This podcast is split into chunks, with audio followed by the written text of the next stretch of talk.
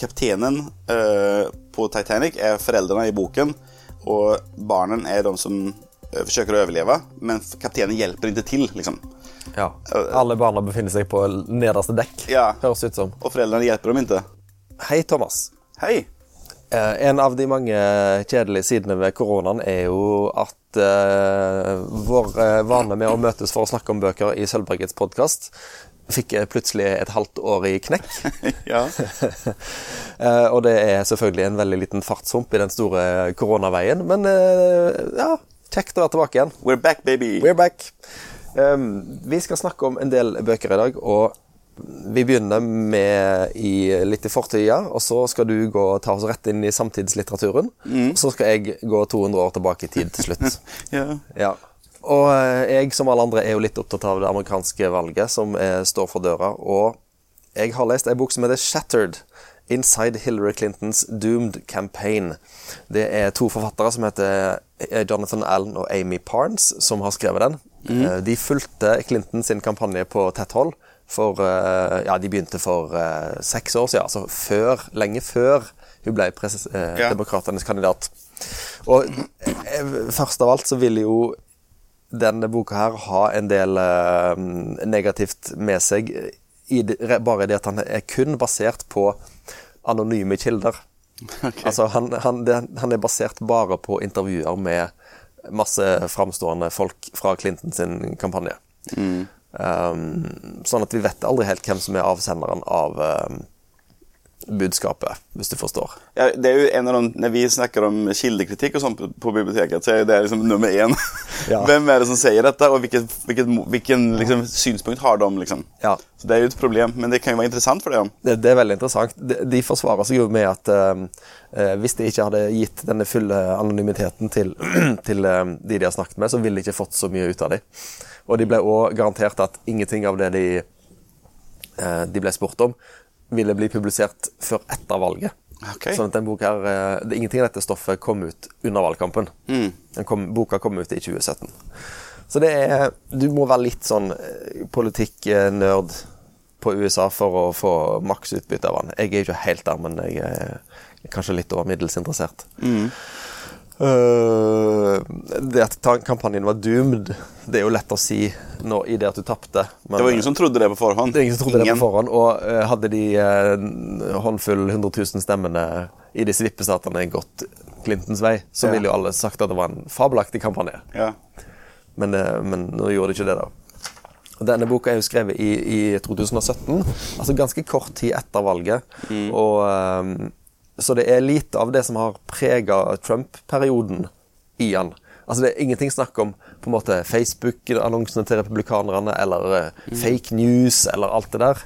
Det, det nevnes bare in, sånn, i forbifarten at Trump på et tidspunkt i kampanjen begynte å, å, å, å si eh, 'crooked Hillary'. Okay. sant? Skurken Hillary. Ja. Mens eh, de der ropene på 'lock her up' tror jeg ikke er med her. Oh. Så den boka er veldig sånn skrevet fra innsida av demokratene. Hva gjorde demokratene feil? Ja. Mer enn hva gjorde republikanerne rett? Ja. Um, så for å få det fulle bildet så må man jo lese andre bøker om valget. Og det har vi jo mye av på vår eh, e-boktjeneste Libby. Ja. Masse bøker om Trump, fortalte du meg.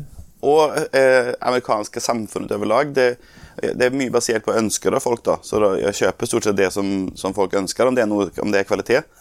Og det er veld, veldig mye interessant, for plutselig vil jo alle fortelle sin, sin versjon av det som skjer. Og det er jo helt Ja. bananas mange ganger. Men uh... Ja, jeg har inntrykk av at det kommer såpass Det kommer så mye bøker om Trump at de nesten drukner hverandre. ja. De Ja. klarer ikke å holde på oppmerksomheten i offentligheten så lenge om gangen, for det kommer en ny bok. Ja, det passer jo egentlig ganske bra med tids, eh, tidsånden der, på en måte. At det, det, ingenting får noen konsekvenser, for det skjer alltid noe nytt som er enda verre.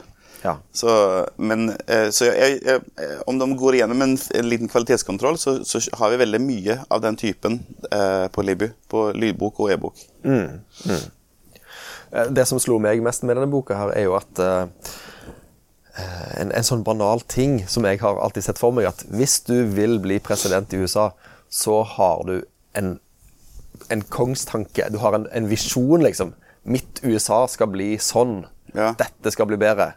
Du, du må ha noe sånn Du har jo vært selger, Thomas, sant? Ja, ja. i ditt gamle liv. Jeg Vet ikke om det er tabu å nevne, men, men sant? du må ha noe sånn derre den, Dette produktet, denne kandidaten, bør du velge pga. disse Ja. åpenbare, eh, enkle salgspunktene. Ja. Mens Clinton har jo ikke det. Hun går og leter etter et budskap.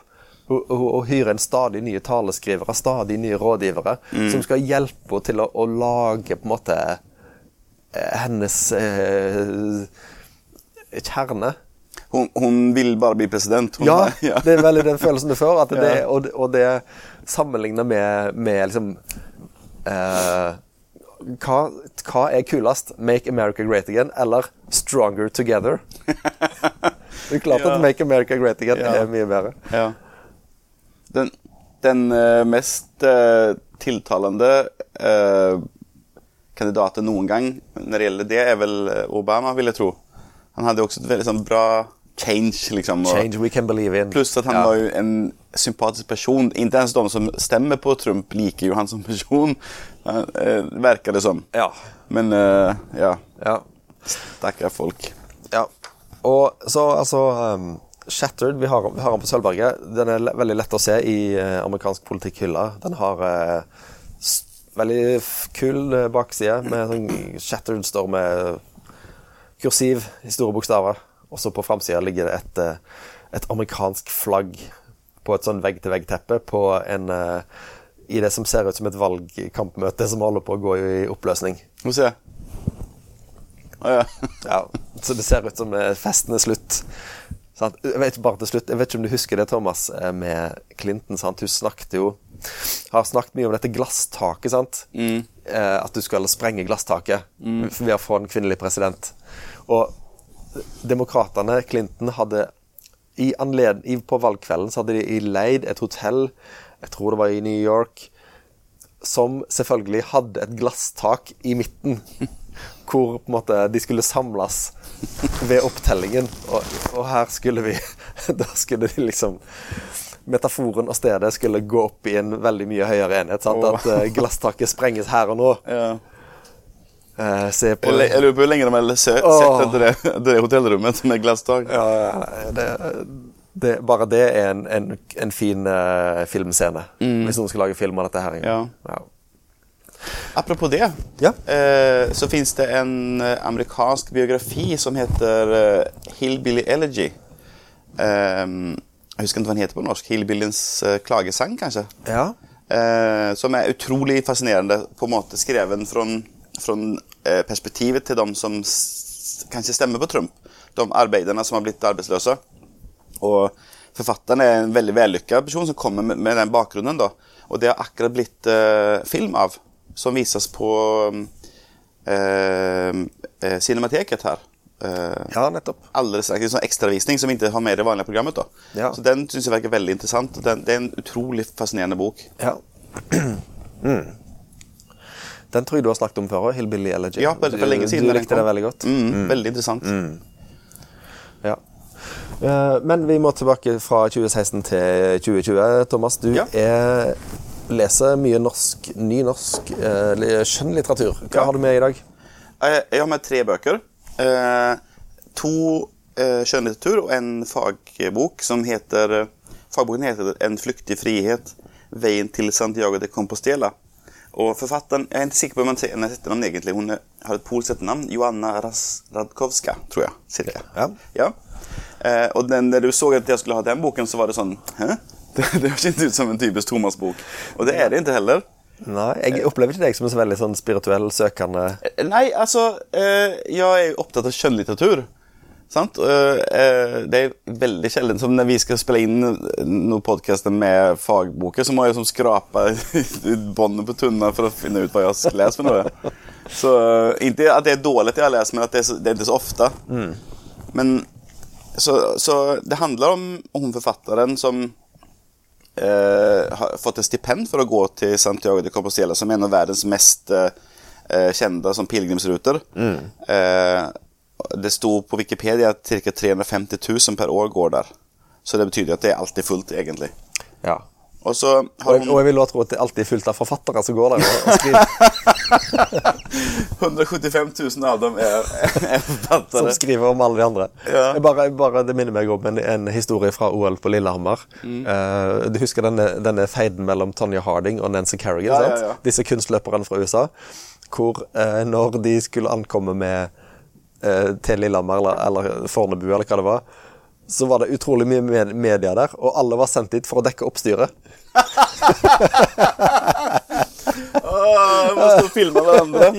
Ja. Åh, fantastisk. Er du her for å lage oppstyr? Ja, jeg òg. Ok, da filmer vi hverandre. Så ja, nei, unnskyld. Det, Nei, det, var, det passa fint. For det, det er veldig Og det, det Altså, det, det hører til historien at hun eh, Jeg tror hun er 30 år nå, cirka, forfatteren. Og hun gikk denne pilegrimsferden en gang før, når hun var 20 år. Og da endte det med at hun ble ateist. Før det var hun katolikk. Så denne gangen så eh, har hun tenkt å se hva som skjer, liksom, på en måte. Uh, og hun blir ikke verken mer ateist eller mer religiøs. Men hun, det, det er en utrolig interessant bok. hun uh, hun har med seg mye interessant litteratur som hun filosoferer om, uh, skriver om. da.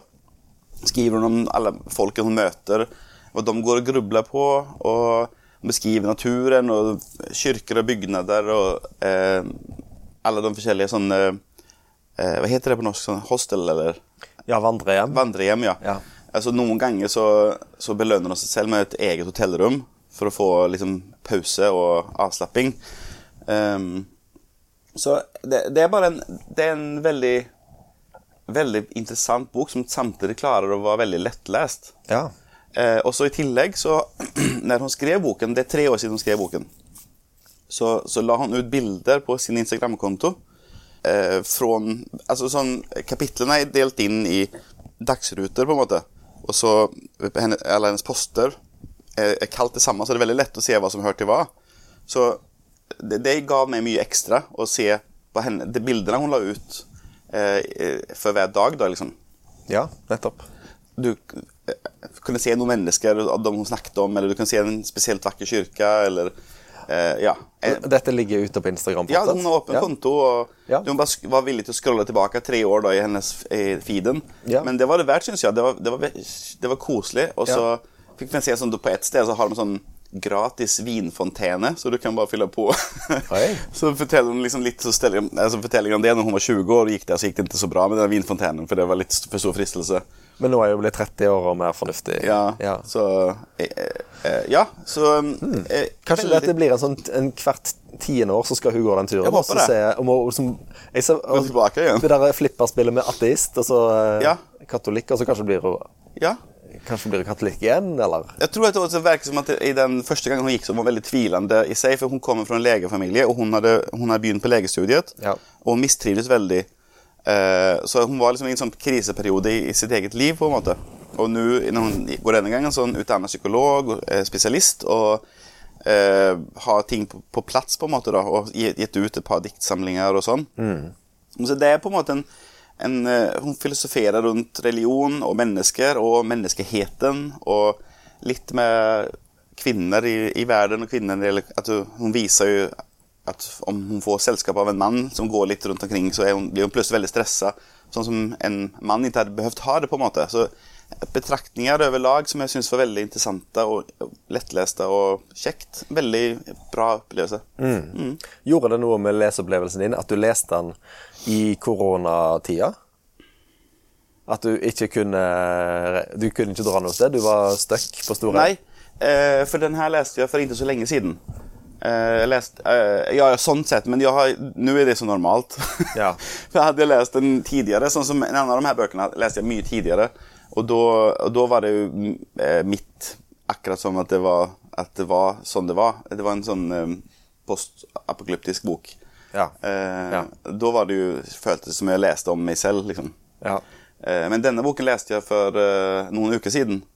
Eh, og da var det liksom dels, Det er jo normalt egentlig ennå, men, men Men, vi men du har blitt så akklimatisert Ja. til koronaen at det Ja, det syns jeg. Skal vi ta neste? Vi tar neste bok. Ja. Kjør bra. Det er 'Jegere og sankere' av eh, Per Schreiner. Schreiner eller Skreiner? Jeg ville sagt Skreiner. men, Skreiner. eh, Det sier vi Skreiner. Du er norsk.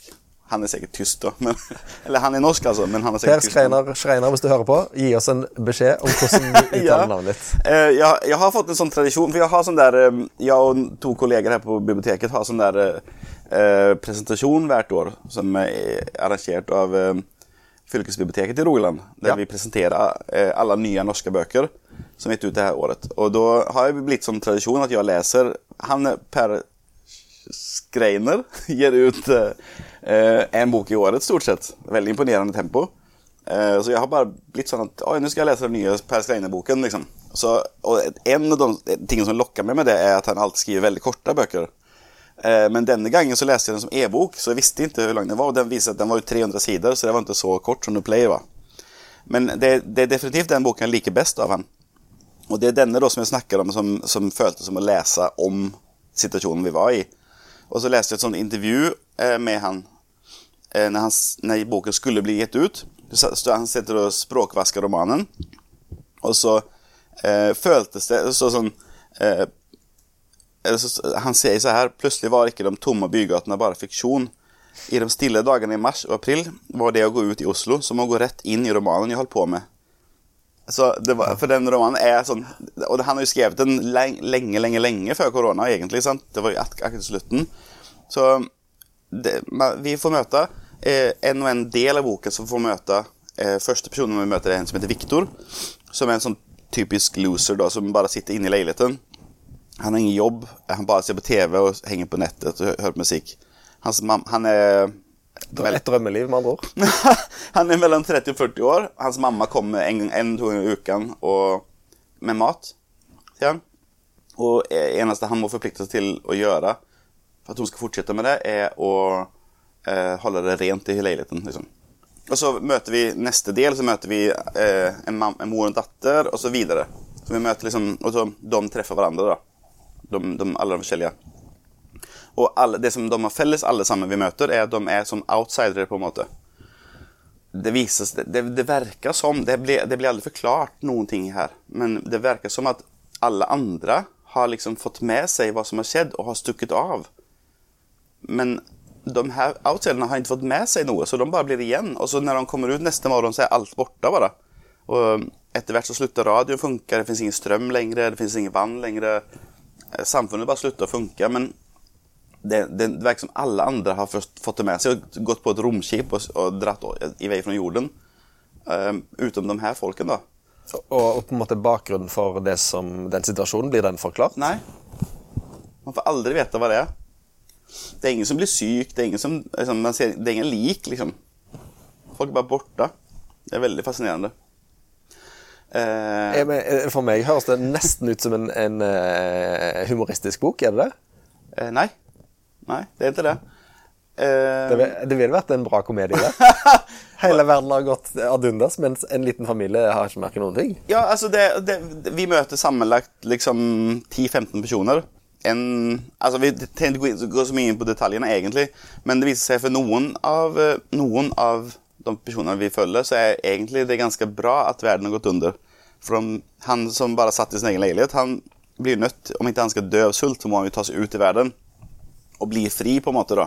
Er det mer jeg har skrevet her? Um, så det, det var veldig fascinerende og frustrerende at man, at man liksom bare en, en, Fra ene dagen til den andre dagen. Og, og så tar det en stund før han Victor eksempel, at han merker det. Det han første han merker, er at internett ikke funker lenger. Og det er felles for nesten alle. Plutselig funker ikke internett. Liksom. Og så funker ikke radio lenger. Og så utom en klassisk stasjon som står på i noen dager, så slutter den også å funke. Og så etter hvert må han ut med søppelet, da. Og så liksom smyger han seg ned, for han til å treffe noen naboer. Så er det helt stille. Til og med hos en nabo som pleier spiller spille musikk, eller annet sånt. Og så etter hvert så kom Mamma svarer aldri mer på telefonen. Så etter hvert må han ut og kjøpe mat, og så er allting bare tomt, og han må liksom Ja. Eh, Det er en klassisk sånn uh, apokalypsefortelling, men det er veldig interessant at den er satt i Oslo, eh, med vanlige folk, liksom. Det er ingen superhelter her, liksom.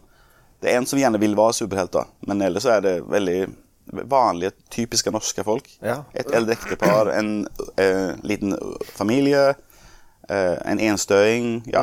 Mm. Men, eh, hva, hva er det som er på en måte historiemotoren i denne boka? her? Hva er det som skjer? Er det, følger vi de på vei mot en slags erkjennelse, eller eh, blir det en endring i tilstanden deres, eller eh, Ja, mye skal jeg si om boken?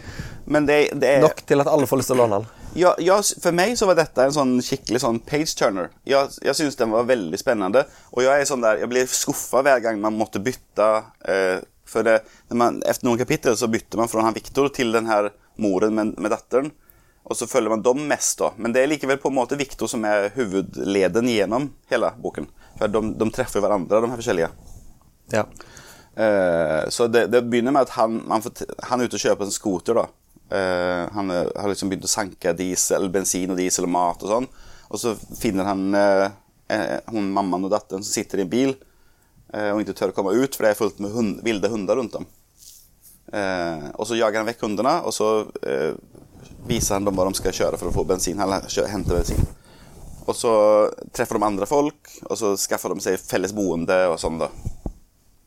Så um, Jeg kan ikke forklare hvorfor, men den, han er en flink forfatter som gjør at den eh, Men det er ikke en actionbok, liksom. Og det er ikke noe sånn eh, det, det, um, det er bare interessant å betrakte seg litt på samme måte som den andre. da. Den, Ja. Refleksjoner. Men det er veldig spennende og fascinerende at med en norsk eh, apokaly- apokaly- apokalypse Norsk apokalypse. Ja. Yes. Og du har med deg enda en bok som er ganske ny. Ja, Hva er det?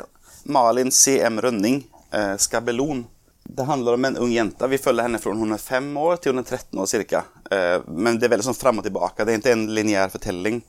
Hun har en veldig utrolig rar oppvekst med syv søsken ute i skogen et sted. Eh, dette er også i Norge. Eh, pappaen Men det føles som at det liksom Det er nå, men det føles likevel som det ikke er nå. Litt som Jon Fosse, på en måte. Det er som Ja. en nesten parallell virkelighet. De har ikke bil eller TV eller mobil eller noe sånt. Eh, pappa jobber som eh, tømmerhogger og forsvinner mange måneder av gangen. Det er jo ingen som jobber sånn i dag, egentlig. At, du, at du er borte på, det, på den måten. Nei. Eh, Da er det i så fall bare en unnskyldning for at han er på institusjon eller noe sånt. ja, men det, det tror jeg ikke han er i, denne, i dette fallet. Du er, eller snarere trodde han hadde en ekstra familie eller noe sånt i så fall. Så, ja, Det er noe mørkt i hvert fall som ligger bak Ja. hvis folk blir vekk i mange måneder og kommer tilbake til familien Ja. i dag. Da er du fengsel, innlagt, annen familie, you name it. Ja, noen ting sånt er det. Ja. Og boken er veldig mørk. Eh, det er liksom eh, De har liksom inga penger, eh, og søsknene må klare seg selv. De minste søsknene er veldig små. De eldste, Det begynner med at hun eldste datteren gifter seg og flytter ut når hun er 16. Og så en etter en så forsvinner de eldre søsknene bare. Sånn borte, liksom. De, og søsknene som må stort sett klare seg selv. Mammaen er jo hjemme, men hun, hun er ikke involvert på en måte i familien. Hun... Det bør du kanskje være hvis du har sju barn. Eller Åtte åtte, barn, ja. Da en fordel å Og de er små, barna er små, de sover på gulvet. Og, Ja. eh, de har veldig lite mat eh, og enda mindre om, omtanke og kos. Eh, alle ungene begynner å røke mens de er små. Det, det er som eh, Det er litt som å, at de vokste opp sånn som det var i, på 1800-tallet i Norge, kanskje. Eller i white trash i USA. Er sånn veldig Så jeg skrev, sånn, jeg skrev på, på Instagram om boken, så så skrev jeg at, eh, at, det var en veldig, at det er en opplevelse å lese boken, men ikke en sånn opplevelsepark som Disneyland. Mer som at du prøver å lese en bok mens du er på Titanic, mens det synker, liksom. Ja. Og altså, Jeg var veldig fornøyd med denne formuleringen. da, At uh, kapteinen uh, på Titanic er foreldrene i boken, og barnen er de som eh, forsøker å overleve, men kapteinen hjelper ikke til, liksom. Ja. Alle barna befinner seg på nederste dekk, Ja. høres ut som. Og foreldrene hjelper dem ikke. Eh, så uh, det, er en, det er en helt fascinerende bok, og det jeg, um, jeg har liksom forsøkt å finne ut mer. Det er hennes første bok, så, eh, Malin Sem Rønning. Og hun har nesten litt problemer med å forklare boken selv. For uh, jeg tror ikke hun vet, vet helt hva hun har skrevet for noe. Eh, det, det er det mest, en av de beste bøkene jeg har lest i år. Jeg pleier å lese ganske mye. Veldig fascinerende. Um, og så eh, Språket er veldig fascinerende strikt språk, men veldig presist og veldig mye sånn tillegg til følelser. Um, og, verden føles som om det er en annen verden, eller en parallell verden. Ja. Utrolig, utrolig spennende. Rart. Det ble jo et forfatterskap eh, vi må følge med på. Ja. Du har kanskje fått deg en, en slags kvinnelig Per Skreiner her? At du skal Ja. ha neste bok av Ja. uh, Malin uh, C.M. Rønning, så er du på plass for Ja. å lese den òg. Ja. Hvis den er tynn, vel å merke. ja jeg, jeg kan lese tjukke bøker også. Du, kan, du har lest uh, Moby Dick, så du kan le lese Ja. tjukke bøker. Ja. Ok. eh, vi, til slutt så har jeg lagt inn en slags sånn eh, eh, Ikke huskestue, men eh, Gamlistimen. jeg har jo eh, av og til noen leseprosjekter som strekker seg over litt tid. sant? For to år siden så leste jeg alt av Vigdis Hjorth. Og og Roy Jacobsen, var det ikke det også? Ja, og i vår eh, sommer ble jeg ferdig med Roy Jacobsen sitt forfatterskap. Eh, dere kan lese de artiklene på sølvberget.no, hvor, jeg, eh, hvor jeg går gjennom eh, forfatterskapene bok for bok. Iallfall, i sommer så bestemte jeg meg for at jeg skulle lese Jane Austen. Fra, fra start til mål. Hvor mange bøker har hun skrevet? Hun har skrevet seks, eh, eh, seks bøker som alle er enige om at de er regnes som en del av produksjonen hennes, og så har hun noen påbegynte romaner som ikke regnes som fullverdige okay. Austen-utgivelser. Og Det er et veldig kort forfatterskap. sant? Fra 'Fornuftig følelse' i 1811 til Northanger Abbey i 1818. Det er bare over sju år det foregår. Eh, selv om hun skrev jo Noe av det ble påbegynt skrevet før, den, før 'Fornuft og følelse' kom ut, selvfølgelig. Men det er uansett veldig sånn Nesten sånn per, per skreinetempo, en bok i året. en, Omtrent en bok i året, ja. Og, og ganske tjukke òg. Og eh, vi, eh, vi har jo snakka om Stolthet og fordom, at den skal vi ta opp i en egen sending en gang i tida. Ja. Som en sånn egen klassiker. Ja. Og jeg tror det var den som gjorde at jeg begynte å lese Jane Austen. For Ja. vi har en sånn luksusutgave i rosa stående. Ja, den er fin. Den er, er den nynorsk, den? Nei, den er bokmål, men den er ganske ny. Men iallfall altså, Jeg må spørre deg, Thomas, for du er jo en klassikerens mann. Ja. Jeg har ikke dårlig samvittighet, men jeg føler liksom at, jeg, at når jeg leste disse bøkene her, så, så, så fikk jeg en følelse som jeg ikke får så veldig ofte når jeg leser, men at jeg følte meg ganske dum, liksom. Eller jeg følte meg ganske sånn på, uh, på utsida. Jeg klarte ikke å, å, å, å komme inn gjennom stoffet, hvis du forstår? Jeg forstår, jeg forstår hva du mener. Altså, jeg ble, jeg ble bare stående og Jeg bare leste bokstavene, leste setningene. Ja. Eh, Forsto historien og sånn halvveis. Men jeg fikk det ikke under, under huden på noen måte. Til og med den stolthet og fordom. Ja, særlig den. Jeg må bare si det sånn, sånn eh, Hva heter det? Eh, jeg må avsløre alt. At eh, i sommer Ikke i, år sommer, for i år år sommer var det forbudt å reise. Men i fjor sommer så var vi jo i England en, eh, ganske lenge. Leide bil og kjørte rundt. Og det var en skrekkopplevelse som vi burde lage en egen podkast om. Og det tenkte jeg sånn at Om du skal kjøre bil på feil side av England, så bør du i hvert fall ha automat, for ellers må du gire med feil hand også. Oh. Det var et skikkelig mareritt, og min fru sitter og skriker på meg mens jeg kjører på verdens smaleste veier. Det var et eventyr i seg selv. Ja. Og så var vi i Bath, som var en av de kuleste plassene jeg har vært på. Mange av bøkene foregår jo i, i Bath. Ja. Ja. Og så vi var på det Jane Austen-museet, og da kjøpte jeg alle hennes bøker, samlede verker, utom 'Stolthet og fordom', for den var utsolgt før. Så jeg har nesten Ja. veldig fine utgaver av de bøkene. Eh, ikke de dyreste som jeg egentlig vil ha, men de som var ett eller to hakk eh, billigere. Ja, nettopp. Og så en liten fin stempel oppi der det står Jane Austen House. Eller hun, jeg tror hun bodde i det huset der museet var. Ja, okay. En periode. Ja. Eh, så jeg er jo fan, da. Og ja. Eh, særskilt av eh, Stolte fordom. Ja. Men jeg er en sånn type som klarer å gi meg hand, liksom. Ja. Jeg, jeg, jeg eh, ja. Jeg forstår hva du mener, men jeg, jeg tok meg sjøl, når jeg leste disse bøkene her, og som, litt før og etter hver bok Jeg tok meg sjøl i å gå inn Du er på Goodreads, sant? Ja. Jeg gikk inn på Goodreads, og så lette jeg opp de anmeldelsene med én og to stjerner. Bare for å se Er det bare jeg Er det bare jeg som ikke forstår dette her? ja hva, hva, hva sa du? Var ni enige om hva, hva problemet problemet det Nei, altså De alle gir jo fire og fem stjerner, så vi er en liten klubb som gir én og to.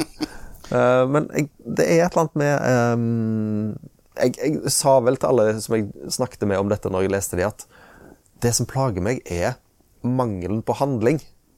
Mangelen på at personene vil et eller annet. Ja, jeg forstår hva du jeg mener. Forstår, altså, jeg forstår og, og, og når jeg har tenkt det, så, så, så får jeg en sånn lille Den der engel-Åsmund på skulderen sier Nå må du huske at dette er ikke realismen. Realismen i litteraturen kommer liksom 60 år senere. Mm. Så eh, eh, Du kan ikke forvente at, at det skal være liksom et dukkehjem, at de skal rase og smelle med dørene her. Alt er så Men samtidig så tenker jeg at st eh, stor litteratur har ofte i seg det at personene på en måte dyttes litt mot en eller annen ytterkant av tilværelsen. sant? Ja. At de blir, altså så Per Skreiner, sant? at de har havnet i en ekstrem situasjon. Ja. Eller uh, hun der som går til den pilegrimsturen. At, Ja. du, at du er på en måte i, på leiting etter sin egen sjel og identitet. sant? Du skal liksom dyttes litt ut. Og det er mulig at det skjer i Jane Austen sine, sine romaner, men jeg forser det ikke. Jeg tror du er altfor lite romantisk. Også. Nei, jeg ja, det er jeg jo sikkert òg, men jeg forstår jeg, og, og så tror jeg òg det har å gjøre med at det har gått 200 år.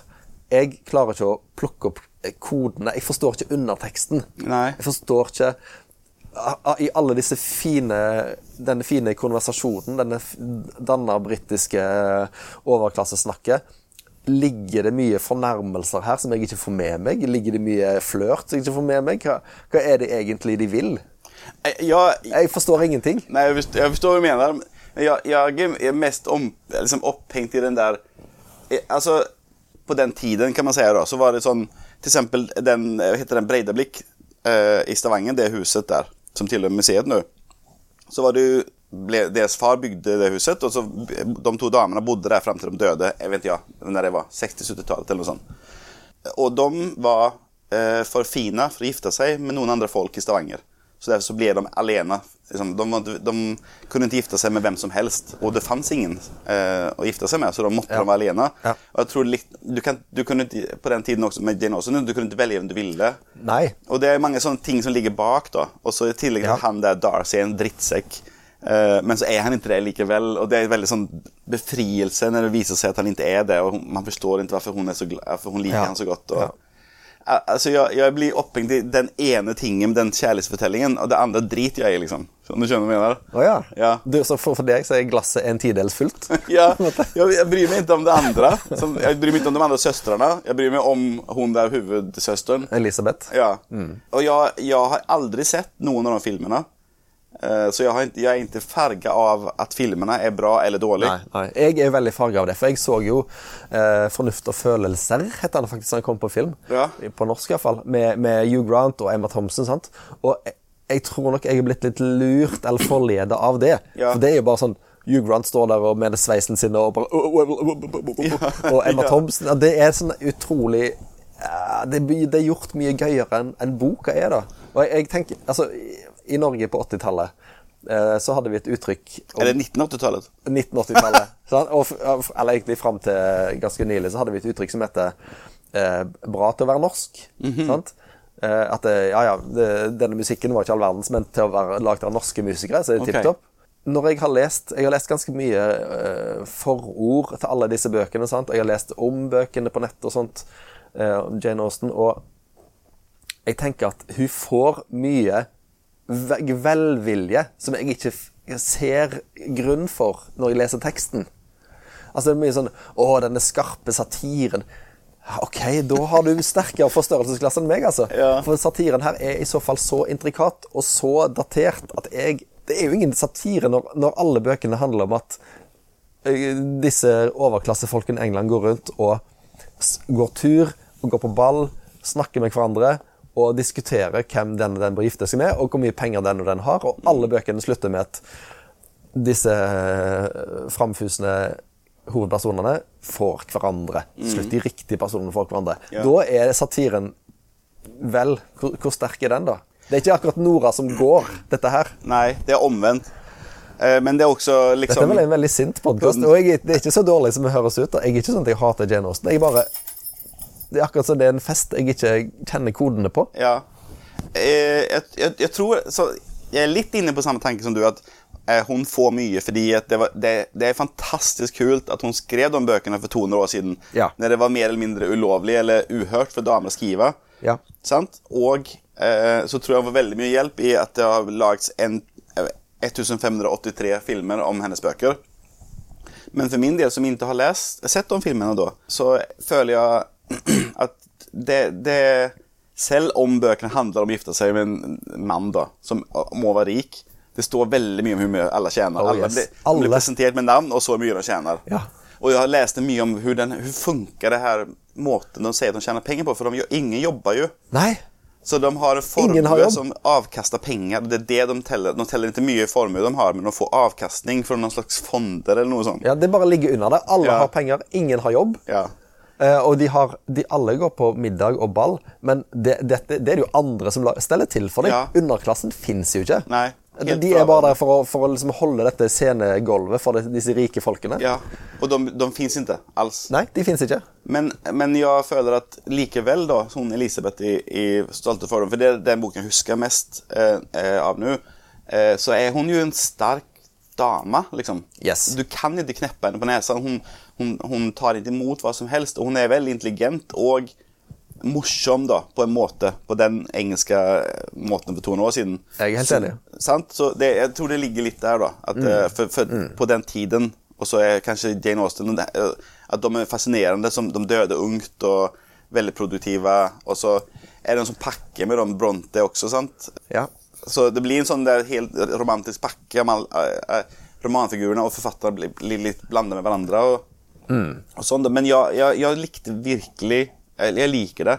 Men jeg, men jeg er jo litt teit romantisk og leser inn mye. Og, og, um, le, men du har også lest om, om bøkene. Så du, har, liksom, du har jo en forutsetning for, å, for å kunne forstå hvorfor det, visse ting Ja. skjer. Ja, ja, jeg forstår det. Men, det, men det, det er bare et eller annet med um, det, er ikke lost in translation, men det er lost in time. Litt for meg, dette her. Ja.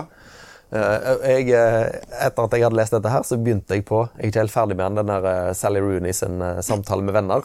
Ja. Som er en slags sånn firkantdrama i, i, i dagens Storbritannia Irland. Og Jeg møtte meg jo sjøl i døra der. De gjør jo ingenting, de heller.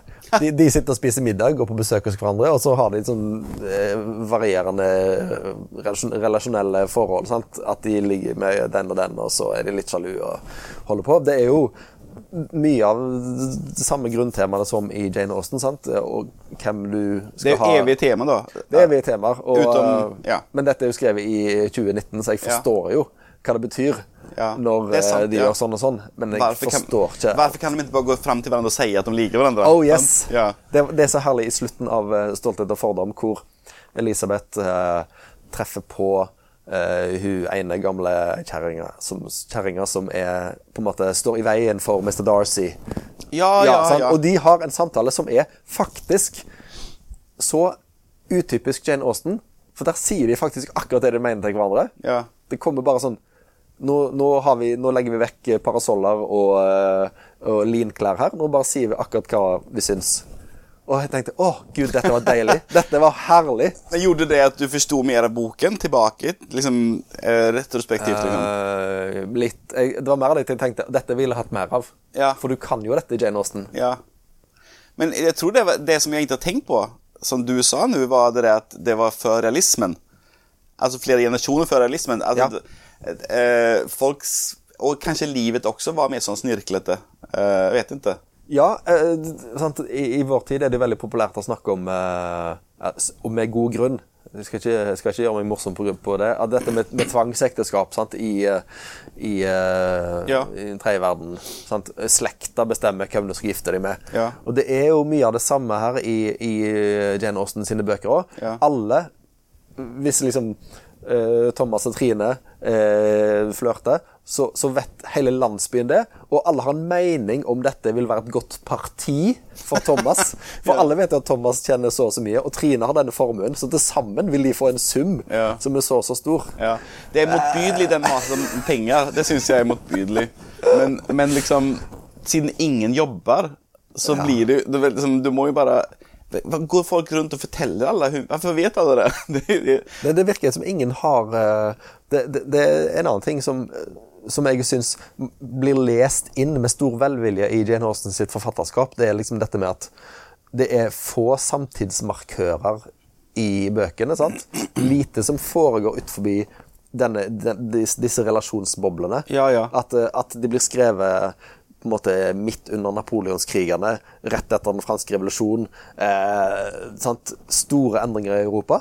Nei, veldig lite spor av det òg. Men, men mange, mange eh, Austen-fans eh, skriver liksom ah, du kan ane under her at det liksom Nei, det er jeg helt uenig i. det er, Hallo! Ja, det er da, helt er, da er- legger folk godviljen til. Men jeg, jeg tror kanskje at jeg eh, ikke leser med så stort vitt blikk som du eller noe sånt. Jeg forventer meg in, ingenting. Jeg forventer meg ikke å kunne se at Norge blir annektert av Sverige i 1814 eller hva det var for noe. Jeg forventer meg ikke at det skal være sånn. Jeg, jeg, jeg bare bara blir opphengt i akkurat den der lille fortellingen, og jeg bare jeg, jag vet ikke. Jeg er kanskje en mildere dame. Vi, vi skulle alle hatt dine glassøyne på livet, Thomas. Ja. du Det vært litt lite mer rosa i verden. Det var litt mer rosa i verden. Ja, men min fru er jo absolutt omvendt, Så jeg vet ikke helt. Men eh, Du må få til å lese eh, Jane Austen. ja, hun liker også Jane Austen. Hun liker Jane Austen. Ja. Det var bra. Ja. Ja. Okay. Men eh, et spørsmål til deg som har hørt på dette nå. Selvfølgelig Hvis du syns jeg er en barbar som ikke liker Jane Austen så godt, selvfølgelig vil vi høre fra deg. Men jeg er interessert i Har du eh, gått til en eller annen stor klassiker som du har vært spent på, og så opplevd at stoffet ikke har snakket til deg? Det syns jeg er interessant. Kan jeg svare, selv om jeg ikke eh, Ja, har hørt på podkasten? ja. Så kan jeg si det at eh, jag läste ju klassikerna när jag var veldig ung, 17, 18, 19. leste jeg Dostojevskij og alt det. Og da var jeg sånn, satt på gulvet og ristet hele kroppen av følelser liksom. Sant? Eh, syns så synd på idioten og sy- syns uh, Raskolnikov i, i Brottsstraff. Eh, Jeg forsto ikke hvorfor han gjort sånn. Og så men när jag för, försökte läsa Dostojevskij igen så syns jag det var vanskeligere å, å komme inn i det. Ja. Så man må liksom være åpen eh, på en måte. Du må være som en trakt som bare tar imot alt. Og, og akseptere det. Sånn som du sier på engelsk, det er sånn suspend disbelief. liksom. Du må hoppe over at dette er jo ikke troverdig, og så bare akseptere fortellingen i seg selv. Og det, om man klarer det, selv om man er eh, middelaldrende mann, så, så er, får man noe mer ut av det. Eh, Og det klarte jeg i hvert fall når jeg leste Jane Austen. Men hadde vanskeligere Jeg husker når jeg skulle lese 'Kjellermennesket' av Dostojevskij nå når den satt opp på teater for to år siden. Det var vanskelig. Selv om den er sett Den er eh, en av de første realistiske bøkene, eh, romanene, tror jeg. Men jeg fikk ikke Jeg hadde vanskelig. Ja. Jeg, jeg hørte nå i, på, i høstferien Aslak Sira Myhre på radioen i anledning Bjørneboe-jubileet. Og han sa at Bjørneboe sine bøker leste han med sånn eh, ikke, ikke forakt, hva er det motsatte av forakt? Sånn nesegrus beundring da han oh, ja. var 17-18 år. Ja. Og leste noe av det igjen nå, for å litt sånn Ja, i forbindelse med jobb, tror jeg. Og det var ikke like, det var ikke like flott Nei. lenger. Var, han så på en måte svakheten i det. Ja. Så, men akkurat når han leste det i tenårene, så var det rett bok til rett eh, tid. Ja, og jeg, jeg, jeg ønsker meg Jeg ønsker litt at man kunne ha det sånn igjen. For de gangene som du, som du kommer så inn i en bok, så er det jo fantastisk. Ja. du, och det skjer jo ikke så ofte lenger, men når man var tenår eller, eller begynnelsen på 20-årene, så var det sånn ikke så eh, slipt på en måte. Så det var litt mer rå følelser og litt mer sånn Ikke, vært, ikke lest det før. Om du har lest en, en type fortelling fem ganger før, så blir det kanskje ikke like imponerende lenger. Ja, det er sant. Jeg husker, jeg var sånn seks-syv år og satt og leste Robin Hood. Og grina. Han, han skjøt ut en pil gjennom fengselsvinduet for å vise at han skulle bli begravd når han døde. Og sånn. Og grina. det, liksom, det, det, det hadde ikke påvirka meg nå, sant? Men, du, så du blir liksom, det, men jeg har som mål å være mer, mer sånn tilgjengelig for teksten. da. Ja. Og det er ikke alltid man får det til. Det er helt sant. Jeg, skal, jeg lover at jeg skal stille med åpent sinn og åpen trakt og åpent skap. Til neste gang vi skal snakke om bøker. Da skal jeg ikke ha lest Jane Austen, men noe annet. Ok, Thomas. Takk for snakken. Takk for i dag. Uh, og som sagt, du som har hørt på, hvis du har uh, lest Jane Austen eller noen andre klassikere og uh, har gode tips til hvordan de kan tale til en selv om en har lest, lest eh, i noen år, og ikke er sånn ung og upåvirka sånn som Thomas var i sin tid, så vil vi veldig gjerne høre fra deg. Hei da.